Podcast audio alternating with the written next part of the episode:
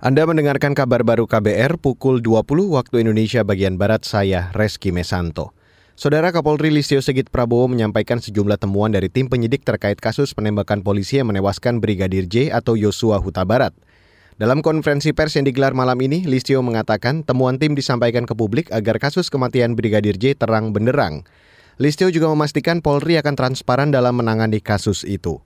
Malam ini saya akan menjelaskan beberapa informasi yang kita dapat dari pemeriksaan tim Irsus. Karena ini juga menjadi penting bagi masyarakat yang beberapa waktu lalu mungkin menanyakan masalah terkait dengan CCTV rusak yang tentunya ini juga eh, menjadi hal-hal yang harus kita jelaskan. Jadi tim Irsus yang dipimpin oleh Irwasum telah memeriksa sampai saat ini 25 personel dan proses masih terus berjalan.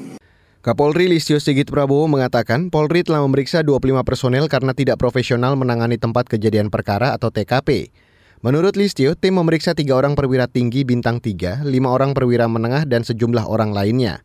Mereka yang diperiksa berasal dari Kesatuan Propam, Polres, Polda Metro Jaya, dan Bareskrim Mabes Polri. Sementara itu, Saudara Komisi Hak Asasi Manusia atau Komnas HAM memastikan penetapan Baradae sebagai tersangka kasusnya tewasnya Brigadir J tidak akan mempengaruhi hasil akhir temuan Komnas HAM.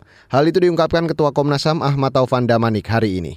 Lah kan polisi sendiri sudah bilang bahwa ini belum tahap akhir, masih tahap awal. Jadi, oh penyidik aja sudah mengatakan begitu, tugas Komnas HAM mengikuti apa kata penyidik, memastikan ya akses to justice dan fair trialnya berjalan dengan baik. Sehingga orang yang bersalah memang dihukum, orang yang kemudian tidak bersalah tidak dihukum. Ketua Komnas HAM Ahmad Taufan Damanik menyatakan Komnas kemungkinan akan kembali meminta keterangan Baradae meski telah berstatus tersangka. Saat ini Baradae ditahan di Bareskrim Mabes Polri. Baradae atau Richard Eliezer Pudihang Lumiu ditetapkan sebagai tersangka dalam kasus dugaan pembunuhan yang menewaskan Nopriansyah Yosua Huta Barat atau Brigadir J. Saudara Komisi Perlindungan Anak Indonesia atau KPAI mendorong dijatuhkannya sanksi kepada guru pelaku pemaksaan jilbab terhadap seorang siswi di sekolah negeri di Bantul, Yogyakarta.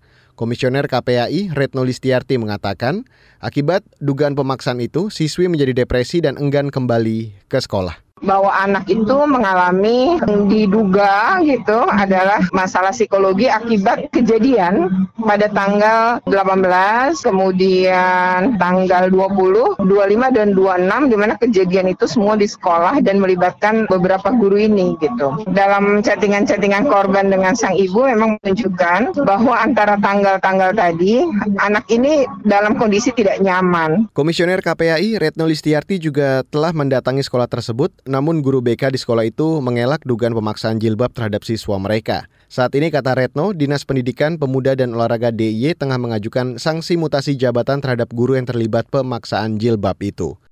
Dan saudara, demikian kabar baru saya Reski Mesanto.